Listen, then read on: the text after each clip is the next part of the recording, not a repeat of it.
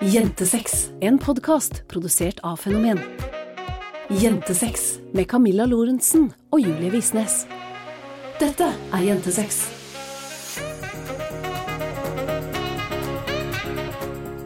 Hallo, alle sammen, og velkommen til en ny episode med Jente... Nei, kan jeg begynne annerledes? Det der er veldig tullete. Du begynner hvordan du vil. Ja, men jeg kan ikke begynne sånn. Nei. Det er jo ingen som snakker sånn i podkast. Man sier sånn Hei, hei, og velkommen til en ny episode med Jentesex. Hei, og velkommen tilbake til min kanal. Det er liksom sånn man begynner. Ja, Men jeg klarer ikke helt det. Nei. Kan jeg prøve på nytt? Ja. Ok, da gjør jeg det. Ok, er du klar? Ja. En, to, tre. Hallo, alle sammen Nei, jeg gjør det igjen, jeg. Hallo, alle sammen, og velkommen tilbake til Jentesex. Podkasten hvor jeg, Camilla Lorentzen, Og jeg, Julie Visnes. ønsker å bryte skam, fordommer, tabu, alt som har med kvinnelig sex, seksualitet eh, og alt det der å gjøre. Og siden sist, Julie, så har vi jo gjort litt av hvert. Det har vi. det første så har vi jo vært å Henta Jimmy. henta lille Jimmy. Han er en klein spitz. Sier jeg det Å, den søte. Han er veldig søt. Kjempesøt. Åtte uker gammel. Ja, en liten En- ramp. Ah, så turbo som han er. I dag tidlig, dere, så våknet han 05.30 og var altså propell uten like. Og jeg Ja, har lest på sånne hundesider at da skal man liksom bare være streng og dytte han tilbake i senga og bare stå på sitt, men det klarte jeg jo ikke. Så hva gjorde jeg? Sto opp, lot han tisse litt. Det er jo kanskje naturlig å gjøre, da. Ja. Og så lekte jeg med han. ja, det må du jo. Og lekte litt agility. Det er Ja. det jeg driver med nå. Ja, Det er den nye stikken din. Ja, og krype over eh, føttene mine og under og Så jeg tenker at kanskje han skal bli verdensmester. Mest sannsynlig ja. Det spørs jo litt på innsatsen til meg, og det er jo det som er problemet. Han Ja. har sikkert verdensmesterblod i seg, men det har ikke jeg. Jeg har jo ikke det. Nei. Nei. Ingen skal påstå at jeg er veldig ambisiøs. Nei, det er du ikke. Nei, Det er jeg faktisk ikke, men det eh, bor jeg godt i, på en måte. Jeg trenger ikke å være best i alt. Jeg er best i ganske mye, og det holder jo. Ja. Er du ikke enig? Hva er du best i, da? Eh, Jeg er best til å være kjæreste. Ja eller nei? Så du er bedre enn meg. Jeg sa best. Åpenbart. Nei, det veit jeg jo ikke, da. Du er kanskje god, du òg. Ja, det er sant. Du vet ikke om jeg er god til å være kjæreste? Jo, men jeg vet ikke hvor god jeg er. Skjønner du? Aha. Det kan hende at jeg er veldig flink. Og det er på en måte overgår alle andre. Ja. Og det kan jo ikke jeg vite. Nei. Så det må jo du avgjøre. Ja, jeg avgjør at jeg er best. Du avgjør at du er best. Ja. ja, ja da var jeg ikke best i noe, da. Nei, men siden sist så har vi også fått litt kritikk for uh, valget av podnavn, Visnes. Ja. Eh, hva tenker du om det? Altså, på en side så skjønner jeg jo at de kritiserer, fordi at det, er jo Jentesex er jo et betent ord. Og altså, det er jo Hvis vi hadde vært to jenter her som skulle snakke om sex mellom to jenter, og fra et perspektiv da, som var for å selge til menn, så skjønner jeg det. Mm. Men vi vil jo ta tilbake ordet. Vi vil jo bruke ordet som en eh, power statement, og være sånn hallo, vi er jenter. Og vi digger å ha sex. Ja. Eller kan det, hvis vi vil i hvert fall, digge å ha sex. Og jeg er så enig med deg i det, at det liksom Jeg tror ikke det finnes noen begrep der ute som er så betente at man ikke kan ta det tilbake. Eh, Det er litt som i England, så har de hatt sånne slutwalks og sånne type ting, eh, for å nettopp ta tilbake makten i disse ordene som ofte brukes som enten skjellsord eller som et seksualiserende begrep, eller eh, som i dette tilfellet som litt sånn fetisjering. Du har jo sløtt, du har fitte, du har kønt, alle disse tingene som brukes for å trykke kvinner ned. Og det vi jo ønsker å gjøre med den podkasten her, er jo å løfte kvinner opp. Ja. Og så har vi også fått litt kritikk for at vi bruker seksualiteten vår som clickbait. Ja. Um, ja. Nei, vi har også fått beskjed om at vi ikke er gay nok. Vi har også fått beskjed om at dette er PR-stunt, at vi er sammen også. Eh, at det kommer til å holde kanskje fram til jul. Så jeg tenker at vi må holde ut hvert fall fram til januar, Julie. ja for det, liksom å, det må være målet. å bevise mot. Um, hva mer er det vi har fått beskjed om? Uh, ja, det er ganske mye i hvert fall vi driver med. Men det var jo Altså, det var jo vanskelig å få alle disse meldingene. Ja. Vi gikk jo veldig fram og tilbake og bare ok, men kanskje vi skal bytte navn? Kanskje vi skal uh, finne på noe annet som ikke støter noen, eller eller sånn, men innholdet vårt er jo ikke jentesex I den forstand. Ja, i den forstand. Det handler jo ikke om at det er to jenter som har sex med hverandre, fordi det er jeg jo helt enig med alle disse jentene i, at det heter jo bare sex. 100% Og jeg tror det var litt derfor jeg også ikke nødvendigvis tenkte over begrepet på den måten da vi valgte det som podnavn, fordi eh, vi aldri har snakket om sex med hverandre eller eh, med andre uavhengig av kjønn som noe annet enn sex. Så jeg tok det jo med en gang kritikken kom. Herregud, husker du den kom da vi var og henta Jimmy? Ja, hos Åh, Og det var helt jævlig. Jeg liksom sto der, eh, skulle inn og eh, møte Jimmy for første gang. Toril, som hun heter, hun oppdretteren, kom i døra og sa hei, og så bare tok jeg opp telefonen for jeg skulle sjekke et eller annet raskt. Og så så jeg at det var en bekjent av oss som hadde lagt igjen en kommentar, og jeg bare faen, det her orker jeg ikke akkurat nå, så jeg bare sletta kommentaren, liksom. Det var helt sånn nei, fuck it, det her gidder jeg ikke. Eh, skjønte jo at det var en dum idé. Det er alltid veldig dumt å slette kommentarer. Ja, ja, ja. Det er jo altså Åh, og det, det var så teit. Jeg følte meg så teit som gjorde det. Jeg skulle ønske det var en sånn angreknapp. For du vet det, du liksom trykker delete, så er det sånn, så går lyset opp i hodet ditt. Du bare nei. fuck. Nei, nei, nei, nei. Nei, nei, nei. Og så var det en annen som skrev rett etterpå 'Hvorfor sletta du den kommentaren?' Og da bare 'Nei, jeg sletter den nå!' Og så bare helvete, hva er det jeg driver med? Åh, kan du bare slutte Ja, men det er litt sånn heat of uh, the moment-type Ja. greie, da. Altså, man blir jo stressa. Ja, du ble jo stressa. Jeg Skikkelig også var jo stressa. kjempestressa, og det var jo altså tøft, spesielt når man har Eller vi har jo lagt ned sykt mye innsats i den podkasten her, både eh, konsept og episoder og hele den pakka der, så når man får kritikk fra det miljøet man ønsker å være en del av, så er det jo vanskelig. Og i hvert fall på den måten. Eh, fordi det var veldig sånn Dere må jo ha tenkt på. Så ble det sånn å, fuck. Det burde jeg jo sikkert ha gjort. Herregud, så dum. Så, og så tenkte jeg sånn, så dårlig jeg er som bifil. Jeg er verdens dårligste gay, liksom. Ja. Jeg er skikkelig dårlig på det her. Jeg burde vært bedre, jeg burde ha kunnet mer. Jeg kunne, herregud, jeg burde ha lest mer, jeg burde vært mer opplyst. Um, og det traff sånn skikkelig hjem, og jeg ble skikkelig lei meg. Og ikke at det har så mye å si, jeg skjønner jo at det at jeg blir lei meg, ikke trumfer det at noen føler seg støtt på grunn av at begrepet blir brukt. Det er jo ikke så jævla sjølopptatt at jeg ikke ser det. Men det var liksom bare Jeg følte at kritikken var ganske uberettiget. Og jeg tror det var det som gjorde meg litt sånn støtt der og da, fram til jeg liksom klarte å tenke gjennom det og skjønte at ok, vet du hva, det her forstår jeg, fordi begrepet er jo brukt for å seksualisere jenter. Sex mellom to jenter i lang tid. Det er noe pornoindustrien har brukt, tjent masse penger på å bruke. Eh, det er noe menn fetisjerer over, sikkert kvinner også, men du vet jeg sier ofte menn.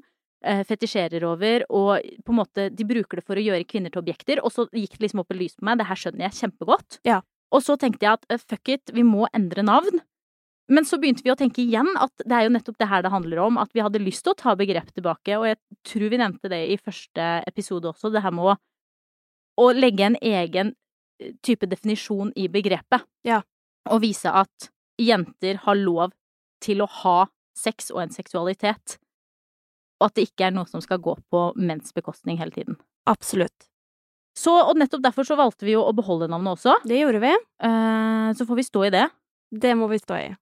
Det blir jo interessant, tenker jeg. Det Ja. klarer vi. Jo, jo, men Jo. når vi på en måte er så sikre på innholdet vi leverer, og vi, vi står i det, og vi har tatt den diskusjonen seriøst, og vi har gått gjennom eh, alle ulike sider av saken, og vi har tatt det med produksjonsselskapet, og vi har på en måte lyst til at innholdet skal få snakke for seg. Mm. Og vi har lyst til at dette skal være et begrep vi skal ta tilbake, og vi har lyst til at dette begrepet skal endres fra noe som var for å tilfredsstille mannen, da, til å være vårt begrep som vi bruker fordi vi som jenter, vi har lov til å nyte sex. Ferdig snakka. Jentesex. Og hver episode, etter at vi har skravla litt, så klart, for det klarer vi jo aldri å la være, skal jo kickes i gang med at vi presenterer en historie fra dere lyttere. Forrige episode så kom jo det til slutt, fordi vi hadde lyst til å bare kjøre i gang med vår historie med en eneste gang. Men det skal jo så klart komme før episoden, og målet med å presentere disse historiene, det er jo å vise at man har lov til å nyte den sexen man vil, at det finnes jenter der ute som har blitt behandla ræva, og at det ikke er deres skyld. Jeg tror det, det skal vi jo snakke om eh, senere i episoden i dag også, for den skal jo handle litt om utroskap. Og vise at det her å bli behandla på en måte som du ikke fortjener, aldri er din skyld.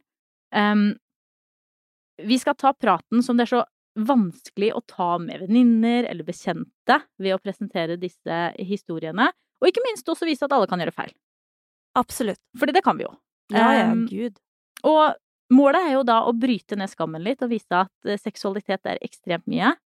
Og i dag så skal vi jo ta turen hjem til en småbarnsmor på Skreia. Nei, jeg vet ikke om jeg er fra Skreia, altså. Det var noe jeg fant på. Fordi jeg har hørt litt på Harry Hole i det siste. Altså Jo Nesbø sine bøker. Og der er jo altså Bjørn Holm fra Skreia, så jeg har lyst til å preke litt slik. Ja. I hvert fall så skal vi ta turen hjem til en småbarnsmor som for en liten stund siden fant ut hva det virkelig var som tente henne. Forholdet jeg var i, var ikke dårlig, men det var litt enveiskjørt, og det ga meg… Jeg ga mer enn jeg fikk. Etter flere forsøk på samtaler om å finne ut hvordan vi kunne fikse det, og han ikke så problemet, begynte jeg å bli rastløs. Jeg gikk på konsert i lag med noen venner, og det var utrolig kjekt å gå ut, drikke vin, prate og le masse. Utover natta ble jeg sittende og prate med en tidligere kollega. Nøyaktig hva vi prata om, husker jeg ikke skikkelig med tanke på at jeg var veldig fin på vin, men vi endte opp med å ta litt på hverandre mens vi prata. Da vi var i forhold begge to, kunne vi jo ikke gå hvor som helst, så vi gikk til butikken hvor han var butikksjef og tilfeldigvis hadde nøkler med seg i lomma til. Det var hardt, det var deilig, og jeg skrek ut i både nytelse og smerte. Jeg hadde aldri hatt det sånn seksuelt før. Etter flere timer med aktivitet så måtte jeg spasere meg hjem, og den berømte walk of shamen ble gjennomført. Bare at jeg var ikke så skamfull med tanke på at jeg ikke bare hadde hatt one night stand, men jeg hadde jo vært utro. Utroskap har jeg i utgangspunktet, i utgangspunktet her altså, ikke noe til overs for, men denne erfaringen ble hengende ved meg og surre rundt i hodet. Jeg hadde blåmerker på kroppen i sikkert to uker etterpå, som kjæresten min ikke la merke til engang. Jeg begynte å sende melding med en tidligere bekjent, forsiktig først, med hvordan går det, har det skjedd noe nytt, og så avtalte vi å møtes. Vi gikk bare en tur første gangen. Han fortalte at han hadde litt interesser han hadde fått det siste året, som han var begynt å utforske i BDSM-sjangeren. Dette gjorde meg interessert, og vi avtalte å møtes en gang til. Dan, dan, dun. Da, da, da. Han ba meg møte opp med flette, og vi møttes i et hus som sto tomt, siden han skulle selge det. Altså, det her høres ut som en sånn skikkelig uh, Fifty Shades of Grey-episode. Altså, er du ikke litt enig? Det første- Bedre enn Fifty Shades of Grey. Bedre, ja, enig. Det første jeg la merke til, var at pisken lå fremme.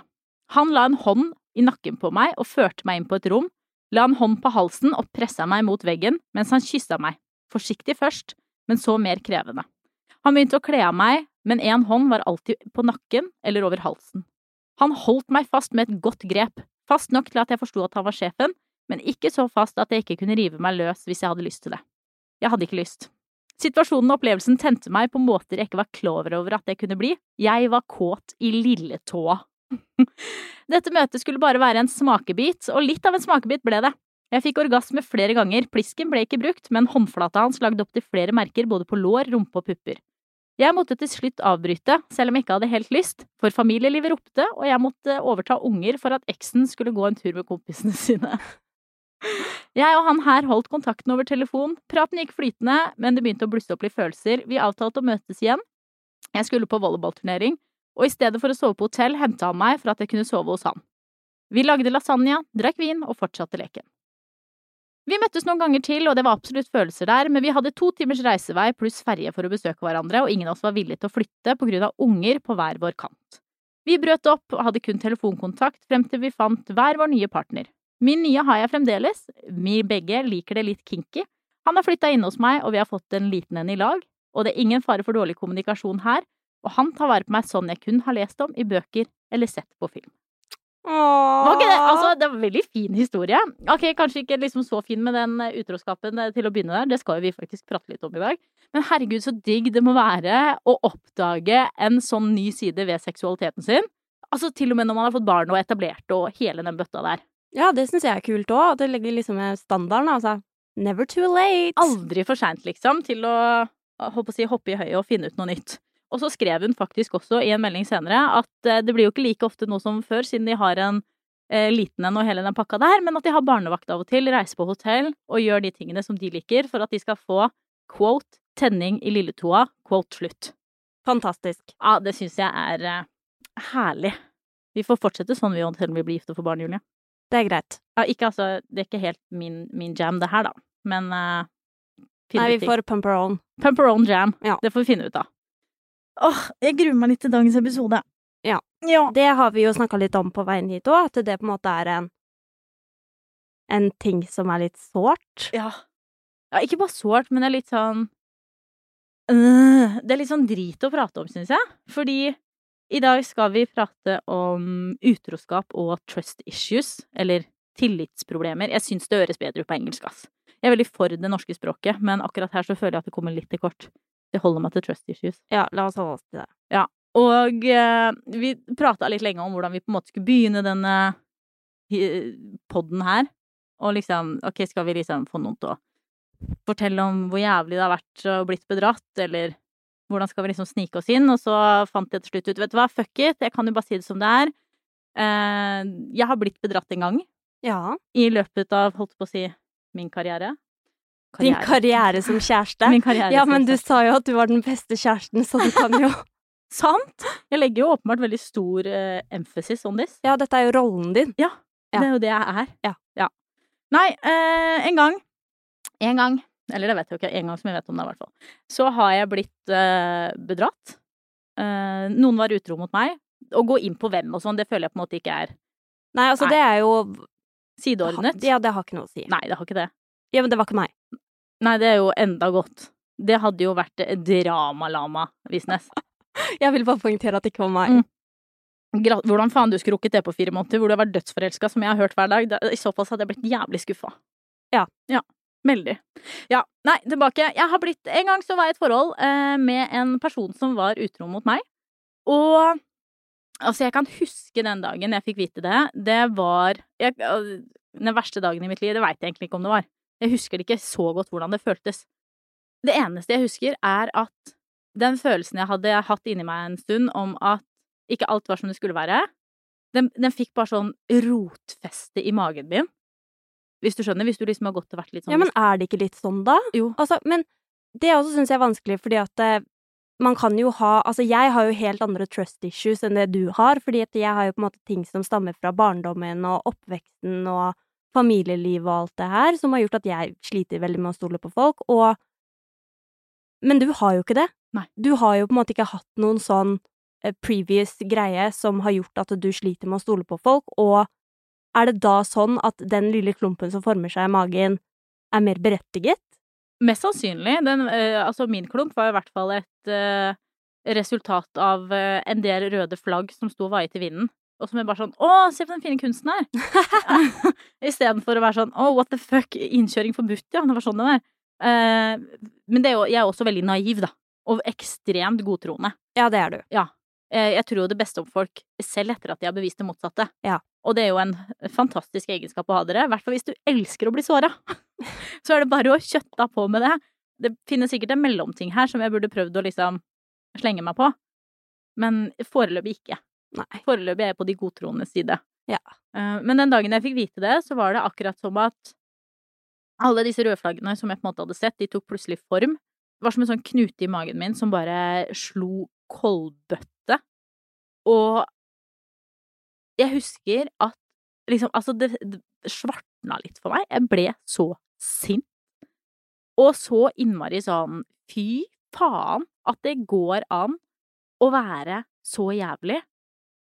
Og jeg hører at mange på en måte prater om at det verste er å ha blitt bedratt, men det verste for meg var å blitt løyet til. Det verste var å ha blitt på en måte ført bak lyset. Altså Hvis noen hadde ligget med en eller annen på byen og sagt vet du hva, fuck it, jeg gjorde noe dumt i går, vet du hva, ok, eh, greit nok. Men det der å ha blitt bedratt over tid og blitt liksom løyet til gjentatte ganger, eh, du har konfrontert, du har sagt du, jeg føler at det er noe som ikke stemmer, og så får du beskjed om at det er du som tenker feil, det er du som gjør feil, det er du som føler feil. Man blir så ekstremt usikker, og alle de tingene var det som var verst for meg. Ja, den manipulerende typen oppførsel, liksom, som kommer med Eller å ikke innrømme, da, at Ja. eh, du har gjort noe dumt. Ja, det blir på en måte alle disse løgnene man, man legger oppå hverandre for å å bevise for den andre at det som faktisk stemmer, ikke stemmer.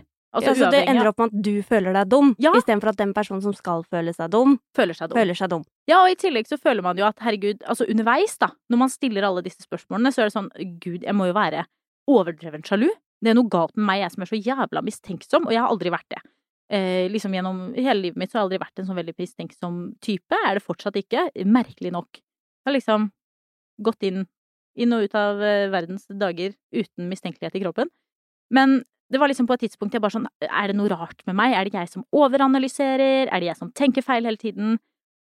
Og alle disse tingene, når det liksom går opp for deg at det faktisk er du som har hatt rett, så blir det sånn fy faen som du har behandla meg eh, den siste tiden. Og ikke bare det, men når man da finner ut av ting, eh, det kommer for en dag hvordan ting egentlig har vært, så tenker man jo at ok, men da, da må det verste være over, da må du ta et valg om å, om å bli eller gå.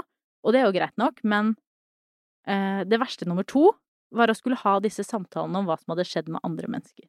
Ja. Fordi du følte skam? Så jævlig mye skam. Følte du at det var din feil? Nei. Nei, jeg følte Altså, det er jeg så glad for. Jeg følte ikke at det var min feil. Og jeg følte ikke at jeg var for stygg, jeg følte ikke at jeg var for dårlig i senga, jeg følte ikke at det var noe feil med meg noe som helst. Men jeg var så redd for at de jeg skulle fortelle dette til, sånn som mamma, skulle dømme kjæresten min. Å ja, så ikke dømme deg. Nei, nei, nei, nei. Nei, det var jeg aldri redd for. Jeg tror jeg er ganske Jeg er ganske sånn, hva heter det, eh, realitetsorientert på den måten. At jeg liksom vet at ok, men det her har ikke noe med meg å gjøre. Ja. Uavhengig av hvordan jeg har vært som kjæreste. Eh, hvis du føler for å ligge med noen andre, så si det til meg først, liksom. Det, du har et valg om å gå, og så ligge med noen andre, eller du har et valg om å bedra meg. Det valget kan Det ligger ikke på meg. Eh, det er ikke noe jeg kan stå i i det hele tatt, eller ta noe som helst ansvar for. Eh, men, men den redselen for at de jeg fortalte det til, skulle A. forvente at jeg gikk fra forholdet, forvente at jeg ble i forholdet, forvente at jeg gjorde hva som helst, og at de på en måte skulle ha en forventning til hvilke valg jeg skulle ta, at jeg ikke skulle få ta det selv. Og at hvis jeg valgte å bli, at de skulle eh, dømme på en måte enten kjæresten min eller meg for at jeg på en måte ble i det. Ja. Som er tror- vanskelig. ja, dritvanskelig. Og jeg tenker at det er så mange, da, som har blitt bedratt, som sitter og føler på akkurat det der, den derre I tillegg til å ha blitt utsatt for noe som er et traume, liksom. Fordi det er det jo mange som sier at det er noe av det verste du kan oppleve i et parforhold. Um, så skal du i tillegg ikke snakke med noen om det. Du skal i tillegg beskytte den personen som har voldt deg skade, eller som har gjort deg vondt. Uh, og det dere eventuelt skal bygge videre på, må du på en måte holde uh, skjult deler av. Som skaper en veldig sånn jeg vet ikke, følelse av å ikke være ekte eller ikke være ærlig. Mm. At man på en måte tar over litt den skamfølelsen dersom man ikke tør å prate om det. Skjønner du hva jeg mener med det? Tror du det går an å bli i et forhold uten å prate om det med andre mennesker rundt seg? Det gjør det helt sikkert. Altså, alt går jo an. Det er jo mulig Ja. å, å leve i uh, uærlighet, holdt jeg på å si, og aldri si det høyt og bære på alt dette sjøl, men jeg tror at det i så fall fører til at man bærer på så altså mye skam, og at man uh, ender opp med å liksom trekke seg kanskje unna de man er glad i, trekke seg unna familie, trekke seg unna venner, fordi man blir redd for at det på en eller annen måte skal komme for en dag, da. Ja, det blir litt dirty little secret-tendenser. Ja, det blir liksom som om øh, Fordi noen har gjort deg vondt, så må du nå bære på en skikkelig vond klump av en hemmelighet. Ja. Urettferdig. Skikkelig urettferdig. Men du skjønner litt hva jeg mener? Ja, jeg skjønner kjempegodt hva du mener. Altså, jeg har jo ikke opplevd selv å bli bedratt på den måten, men jeg kan jo se for meg Altså uansett, og det kan jo knyttes til alle hemmeligheter man går og bærer på, altså det er jo Det er noe med det å dele det med andre som gjør at eh, du på en måte kan få litt andre perspektiver, og du kan snakke høyt om det. Bare det å si det høyt hjelper jo ofte. Mm. Og så blir det jo ofte en sånn liten, eller stor etter hvert, da, angstklump som du på en måte går rundt med, og da, da har du det jo ikke noe bra heller, og da tenker jeg at da er det jo vanskelig også å få det bra i forholdet på sikt, da, når den ene parten i forholdet faktisk ikke har det bra. Nei, jeg tror, det er, tror det er skikkelig vanskelig å, å få det ordentlig bra igjen hvis man ikke prater om det med noen andre enn partneren sin. Eh, fordi en ting er jo så klart å ha samtale med den, den som eventuelt har eh, bedratt deg, liksom. Altså, det er sikkert supert, det, og man må jo gjennom det, så klart. Men jeg tror også man trenger å lufte det for andre, og jeg tror man trenger å få litt andre perspektiver. Og jeg mener helt bestemt at hvis du er en person som noen åpner seg til, og sier at vet du hva, han eller hun har vært utro mot meg, så skal ikke du være den som dømmer. Nei, Det er jeg helt enig i. Du skjønner hva jeg mener med det? Ja, ja, altså folk må jo få lov til å velge det de ønsker å velge, og ønsker de å være i det forholdet videre, så må du respektere at det er deres valg. Mm. Og det er jo ikke Altså, som venn eller eh, familiemedlem eller eh, psykolog eller en eller annen annen form for støttespiller, så er valget ditt å støtte. Ja. Og det Altså, valg blir støtte eller ikke støtte. Og støtter du, så må du også la den personen du støtter, få velge det den ønsker å velge. Men er det opp til vennen å velge å ikke støtte, da? Nei, men da velger du jo på en måte Det blir jo liksom det du snakka om i stad, da. Det der med eh, Du velger å gå, eller du velger å bedra. Mm. Å gå vil jo være det riktige Ja. valget. Så blir jo altså støtte det riktige valget, men du kan jo også velge å ikke støtte, men da har du heller ingenting å si. Nei, nei, nei, nei, det har de jo ikke da. Da, altså Jeg bare, jeg husker jo veldig godt at eh, etter hvert så fortalte jeg det til en venninne, og hun ble så sur eh, for at jeg ikke hadde sagt det før, så vi er ikke venner lenger i dag. Nei, men hun, det er jo helt fair. Ja, jo, er det det? Men det er helt fair at dere ikke er venner i dag. ja, men det er ikke helt fair å ta den der Vet du hva, dette Du skylder meg å skulle ha sagt dette før. Eh, Du skylder meg å ha gått fra dette forholdet, så jeg vil ikke, vil ikke være venn med deg lenger. Nei, da er du ikke en god venn, da. Du er ikke det? Nei, det syns jeg ikke. Nei. Nei, jeg bare tenkte om det var greit av meg å, å føle på det, at jeg syntes liksom ikke det Det var en ok måte å, å reagere på det på. Det òg gjorde liksom at jeg følte fy faen, jeg Ja, Bygger opp under skammen. ja skikkelig. Um, så som venn så tenker jeg at du har mulighet til å virkelig støtte og hjelpe vennen din gjennom noe tungt, uavhengig av hva hen velger. Uh, eller du kan være en som gjør at det blir enda verre. Mm, definitivt. Men etter utroskap, altså nå er jo jeg, eh, om jeg skal si at jeg er en heldig person, så er jo det sånn at jeg stoler jo fortsatt på folk. Ja. Jeg har ikke hatt noe varige men av mine trust issues i den forstand Jeg veit ikke hvorfor, egentlig. Men det har i hvert fall ikke satt seg som noe sånn dype spor. Jeg har aldri vært redd for å få følelser for noen igjen, eller jeg har aldri vært redd for å gå inn i et forhold, eller jeg har aldri vært redd for noen type sånne ting.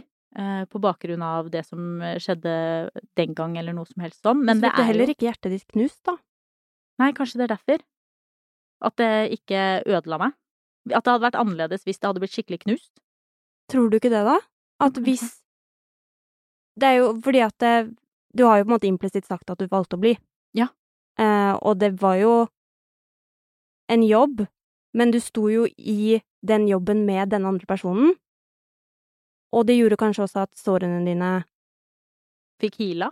på en annen måte, da, enn om det blir på en måte en sånn svær sak hvor eh, den personen er utro mot deg, og det knuser hjertet ditt, og du går fra forholdet, og da går du fra forholdet med en sånn redsel om at det faktisk er deg det er noe galt med, Mm. Ja, det er sikkert sant. og at det, du kommer til å bli bedratt uansett hvor du er, fordi at det, problemet ligger hos deg. Mens du har jo hele tiden vært veldig klar over at problemet lå hos den andre parten, Mm. og ikke hos deg. Så det er jo sikkert ulikheter der, da. Det har jeg faktisk aldri tenkt på at det blir sånn, men det tror jeg jo er helt sant. At fordi jeg klarte å på en måte plassere skammen, eh, plassere eh, det som var blitt gjort, så bar jeg på en måte ikke med det i min ryggsekk. Ja. Ja, det var sant. For det er jo veldig mange som etter et, en sånn type opplevelse eh, får veldig store problemer med å stole på andre. Ja. Hvorfor det, tror du? Altså, det blir jo kanskje litt det jeg sa, da, det der med at du legger skylden hos deg selv, og at jeg er ikke god nok i senga, jeg er ikke en god nok kjæreste, og uavhengig om du velger å bli eller gå, så ligger det en sånn greie i deg om at du ikke er bra nok. Du ikke er sexy nok, du ikke er tiltrekkende nok, du ikke er eh, deilig nok. Ikke snill nok. Ikke Ja, altså, Ja. både i senga og utenfor senga, da. Mm. Og at det er den følelsen som eh, setter seg i magen, og den skammen du bærer med deg, og når du tror at det er noe galt med deg, så klarer du heller ikke stole på at folk skal behandle deg bra. Men altså, det kan jo være helt andre ting òg, bare det med at eh, man, noen har gjort noe vondt mot deg, og derfor forventer du at andre mennesker av samme art skal gjøre vonde ting mot deg, da. Ja, man går ut med en forventning om at uavhengig av hvilke mennesker man møter, så vil de volde deg skade eller vondt, og de kommer til å være utro, eller de kommer til å lyve, eller Ja, og så ser man kanskje seg selv som en sånn herre Men jeg så det ikke. Jeg catcha det ikke. Hvordan skal jeg catche det igjen? Jeg har aldri catcha det da. Men tror du at man blir på en måte mer mistenksom da? Ja, Det tror jeg. Jeg tror at man på en måte går rundt og ser etter tegn som Altså, og finner red flags, da, eller hva enn det måtte være, der hvor det ikke er det. Og det kan jeg jo også ta med meg, fordi vi har jo vært inn i en litt sånn trust Trust, Trust issue. trust issue. det er trust veldig stor forskjell på trust, trust issues og trust issues. Ja, det er det. Ja, men, Jesus men vi har vært inne i en sånn runde med trust issues. Ja, det har vi jo. Ja. Um, og det kommer jo av Selv om jeg ikke har blitt bedratt, som jeg sa i stad, så har det jo vært ting i oppveksten min som har gjort at jeg har vanskelig for å stole på mennesker. Og det gjør jo også at jeg går rundt og ser etter ting som er sånn Oi, der gjorde du det. Oi, Mm. der gjorde du det. Oi, der gjorde du det. Men også tester deg Mye. masse på en sånn der Ok, men vil du egentlig være her? Vil du egentlig være her? Nei. Tenkte meg ikke det. Det som er litt morsomt med det, er at altså, jeg har jo holdt på å si jobba med Nå har jeg jo ikke jobba med, for jeg har vært et barn. Så, men vi har jo hatt eh, ungdom hos oss som har bodd i fosterhjem fra jeg var liten. Og det tror jeg jeg sa til deg en av de første gangene på en måte vi hadde en sånn episode, at det minner meg så sykt om eh, hvordan det har vært opp igjennom med liksom ulike kids. At det, liksom, det er den testinga på er du egentlig så glad i meg som du sier? Ja. At man, man får den derre ok, så du sier du at du skal være den som blir, etter at jeg har sett at alle har reist. La meg teste om du mener det. Ja. La meg virkelig pushe på de knappene jeg vet at eksisterer, sånn at jeg skal sjekke om du faktisk er ærlig når du forteller meg at du skal bli. Og sånn blir det vel i utroskap også, fordi at da da tester man enten den partneren eh, man har, som man har valgt å bli i forhold med, eller så tester man nye partnere for å sjekke om Ja, ok, men hva med deg, da? Og hva hvis jeg gjør sånn? Hva hvis jeg sier det? Hva hvis jeg gjør dette? Var det Funkygine som, eller Jørgine Vasterand, som hun jo heter, som fortalte om eh, det med, med tanke på Morten? Ja, det Ja. var det. Ja. Eh, med testing. Etter at eh, Altså, alle har jo på en måte hørt den historien. Jeg syns det er helt rått at hun har vært så ærlig om det. Det hadde ikke jeg klart. Nei, det er helt ja, fantastisk. helt sjukt. Bra jobba. Om at hennes eksmann var utro, og at når hun på en måte falt for Morten, så var det veldig på den testinga å sjekke ja, men, ja, men, ja, men. Hvis jeg gjør det. Ja, hvis jeg gjør dette, så. Og det tror jeg man, hvis man på en måte selv har vanskelig for å stole på folk, så er jo sikkert det en type oppførsel man kan kjenne seg igjen i. Hva Ja. trenger man da, for at eh, det på en måte skal gå bra? Eh, jeg kan jo bare snakke for meg selv, da, for jeg vet jo ikke hva dere trenger, men trygghet, da. Mm. Kommunikasjon. Og så syns jo jeg det er vanskelig å kommunisere i tillegg, for jeg syns jo ikke det er noe kult å sitte her og bare ja, jeg har skikkelig trust issues, og det er derfor jeg behandler deg dårlig, fordi jeg sjekker om du drar fra meg hvis jeg behandler deg dårlig. Det er ikke kult. Kult? Nei, det er jo helt forferdelig, og man sitter jo igjen med dobbelt skam.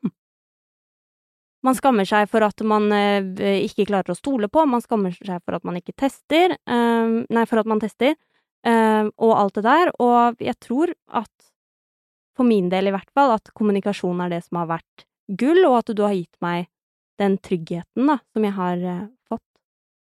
Tror du det er litt sånn alfa og omega for at man skal komme seg gjennom på en måte det med å ikke stole på mennesker? At man møter noen som faktisk gir deg det du trenger? Ja, altså det er jo tidenes eksponeringsterapi, i hvert fall.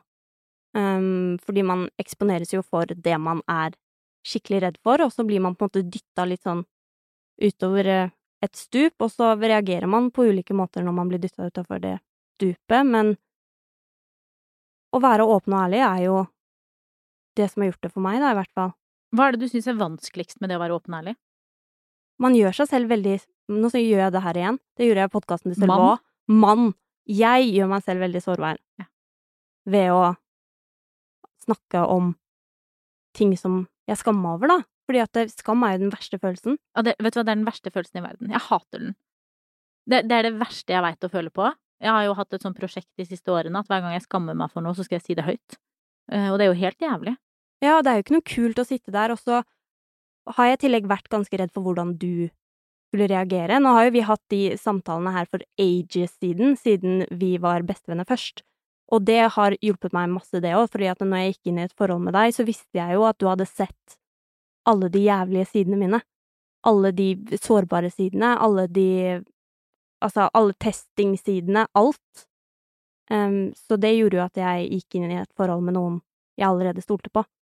Det var jo Ja, det er jo ganske Du er heldig, Veldig heldig. Lysnes. Veldig heldig. Veldig heldig. Tror du det er lettere også å, å være Eller gjøre det prosjektet med å, å tørre å stole på med en venn enn med en kjæreste?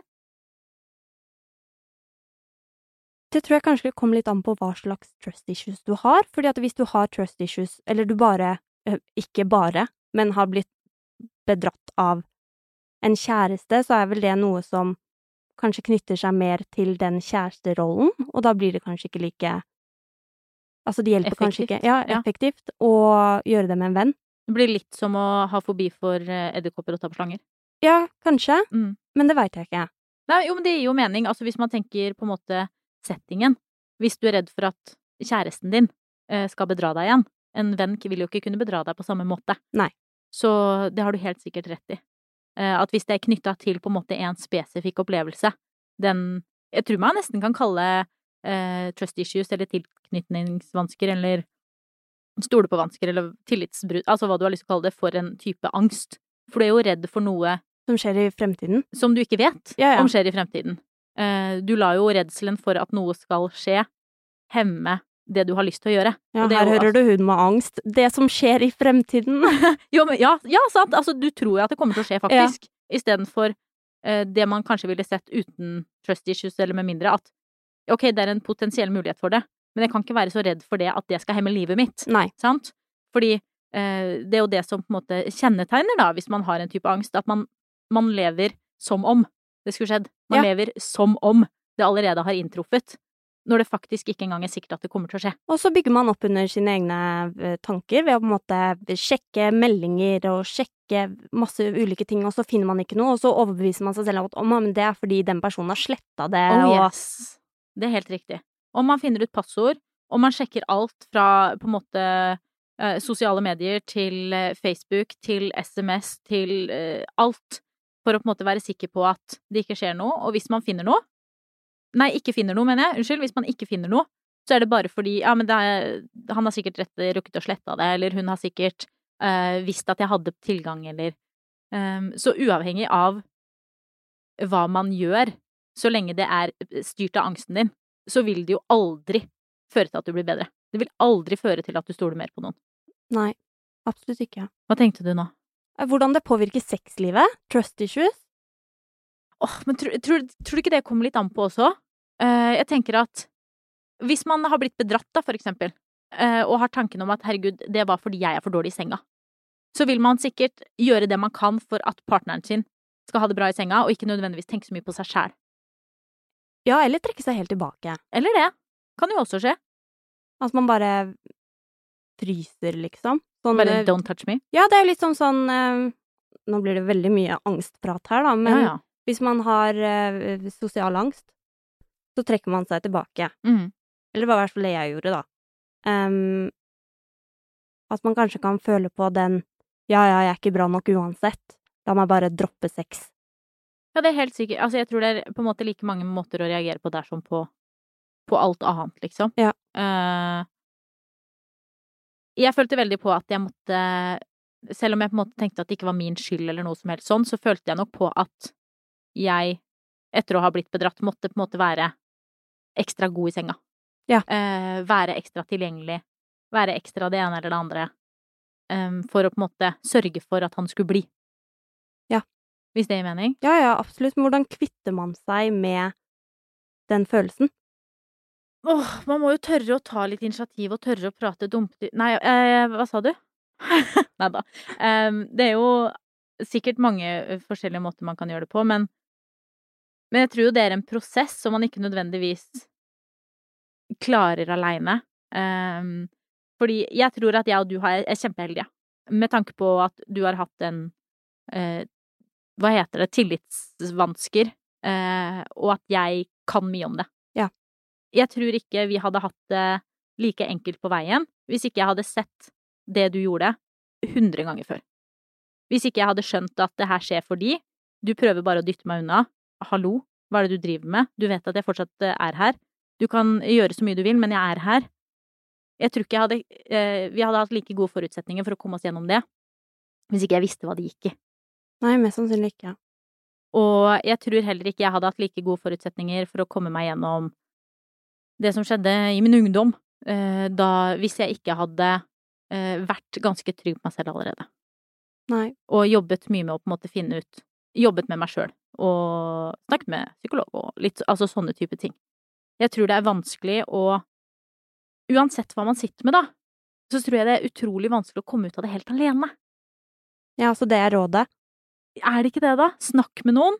Om det er din venn, beste venn, eller om det er en psykolog, eller om det er en nettjeneste for veiledning og råd. Det fins jo Ja, det også. Ja, nettjenester kan jo faktisk være litt Hvor du kan et fint sted å starte. Ja. Kan det ikke det, da? Sånn at man på en måte kan Hva heter det, noe sånn Go-mentor og Kika, Kikoko. Man trenger ikke å være redd for at uh, man bryter sammen, eller man kan sitte der hjemme i senga, eller hvor enn man vil sitte, foran en uh, datamaskin og liksom Reflektere før man sender. Ja. Ja, du trenger ikke å være du, Og så setter liksom premissene selv. Ja.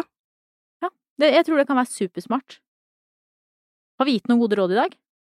Det er vel det rådet vi har gitt gjennomgående. Kommunikasjon og kommunikasjon og kommunikasjon og kommunikasjon. Ja, det er et veldig godt råd. Men det er jo rådet vårt i alt, Julie. Ja. ja.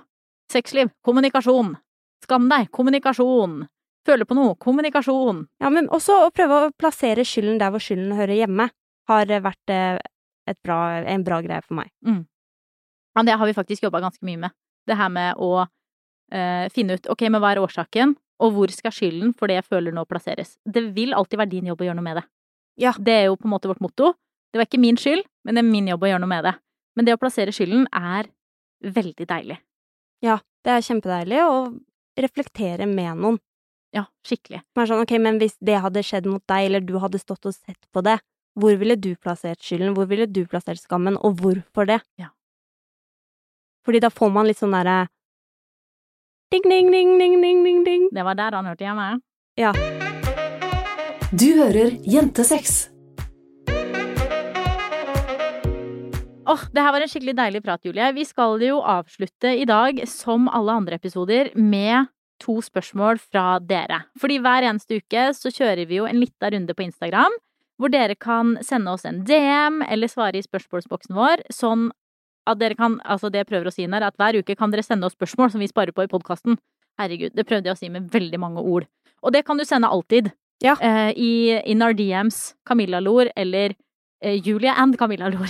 Jeg bare jeg er. Ja, fordi vi har jo nå felles konto, og det har jeg også fått beskjed om at det er et veldig dårlig Ja, vi har et toksisk forhold. Ja. fordi vi har en felles konto. Ja, Dette, dette handler om at Julie ikke liker å være en offentlig profil. Ja. Eh, og at ved å kalle den Julie og Camilla Lor istedenfor bare Julie, så kan hun dytte meg foran de gangene hun ikke har lyst til å være på skjermen. Ja.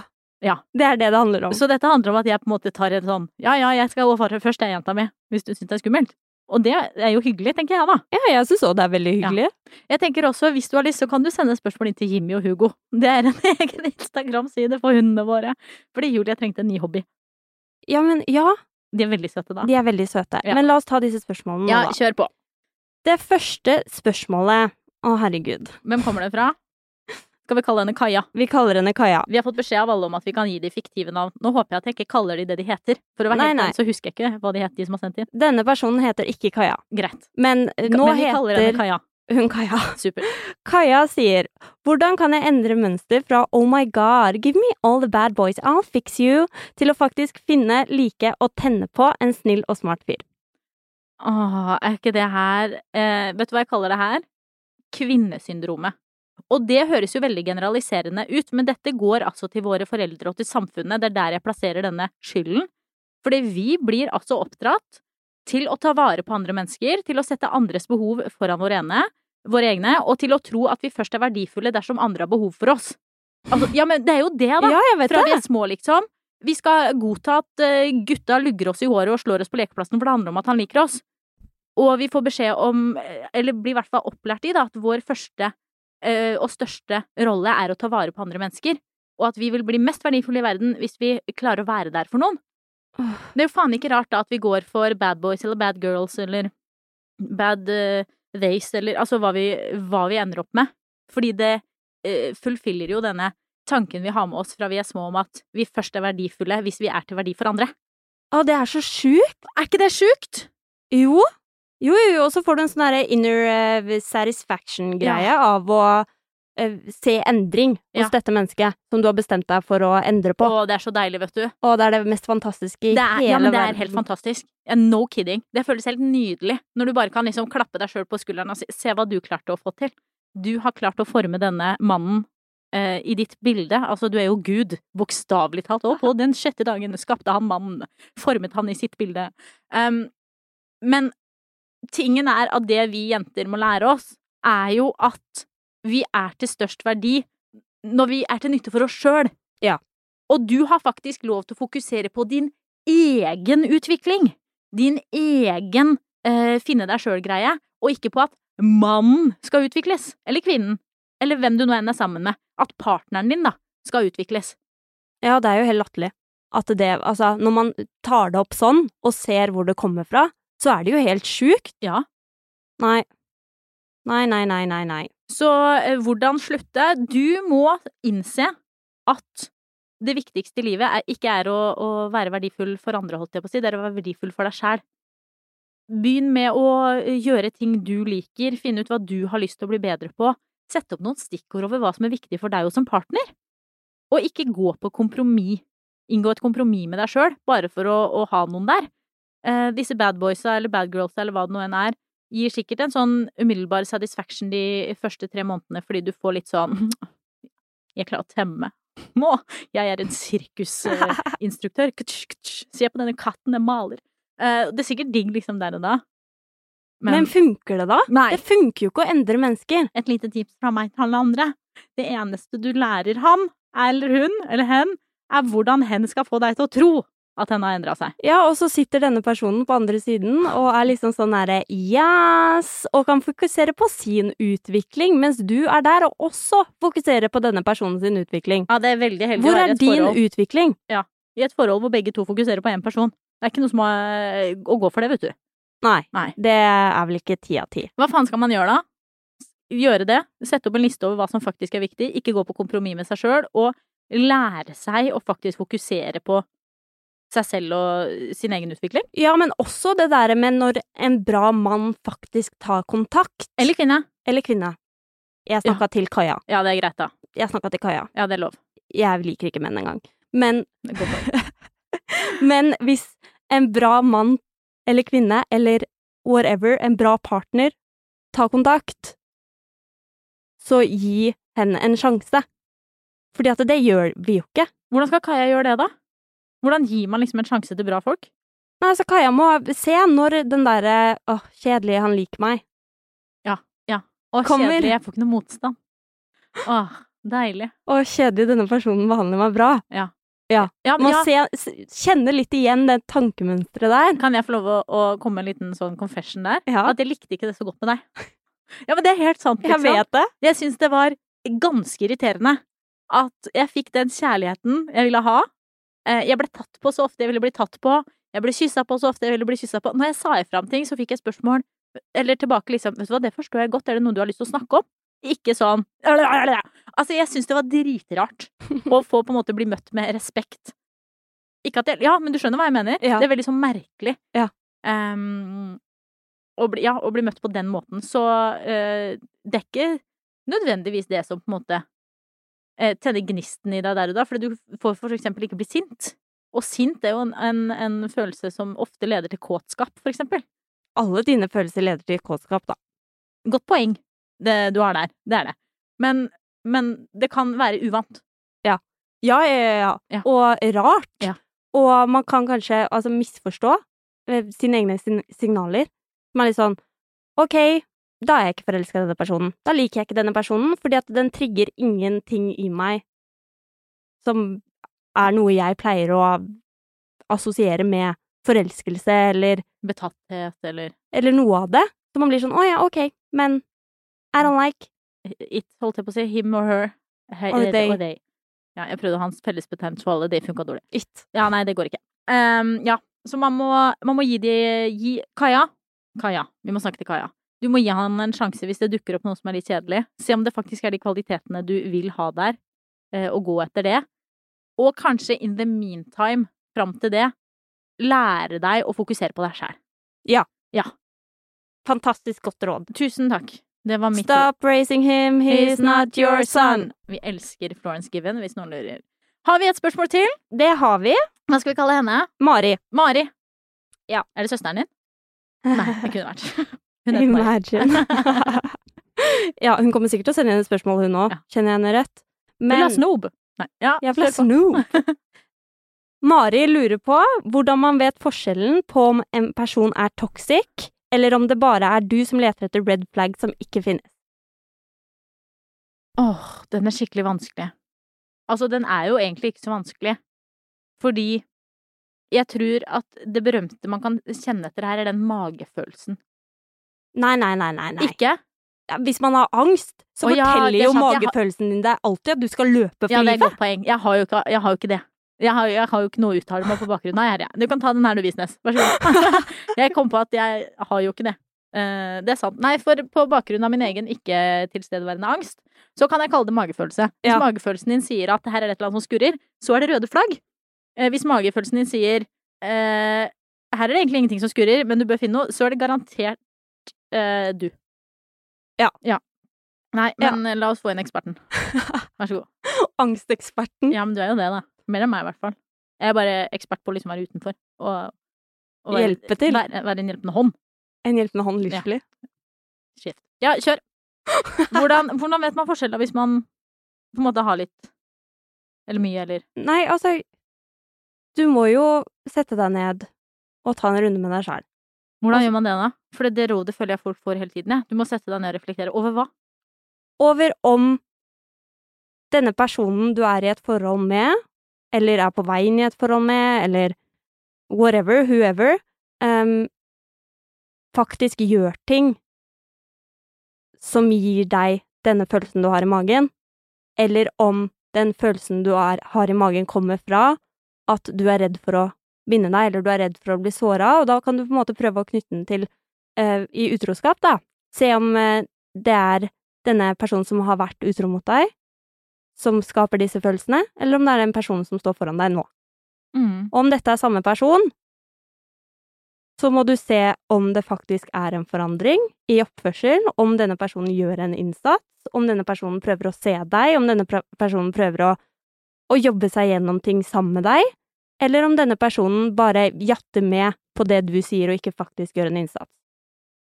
Kan man da si at det man eh, burde gjøre for å finne ut av det her, er å ta en runde på hva personen du holder på med eller er i et forhold med, faktisk gjør, og ikke bare hva hen sier? Ja, og så må man jo også ta en runde med seg selv. Fy faen. Jeg har funnet den knappen eh, som gir oss applaus, og det ga jeg deg applaus, Julie, for det syns jeg var et skikkelig godt råd. Um, fordi det er så enkelt å bli revet med, da, på det den personen som sitter foran deg, sier eller gir uttrykk for. At man kanskje glemmer at det som faktisk betyr noe, er jo hvordan hen oppfører seg mot deg. Ja. Og hva en gjør for at du skal føle deg sett, for at du skal føle at hen er ærlig, for at du skal føle at hen er der for deg. Og ikke bare hva en sier.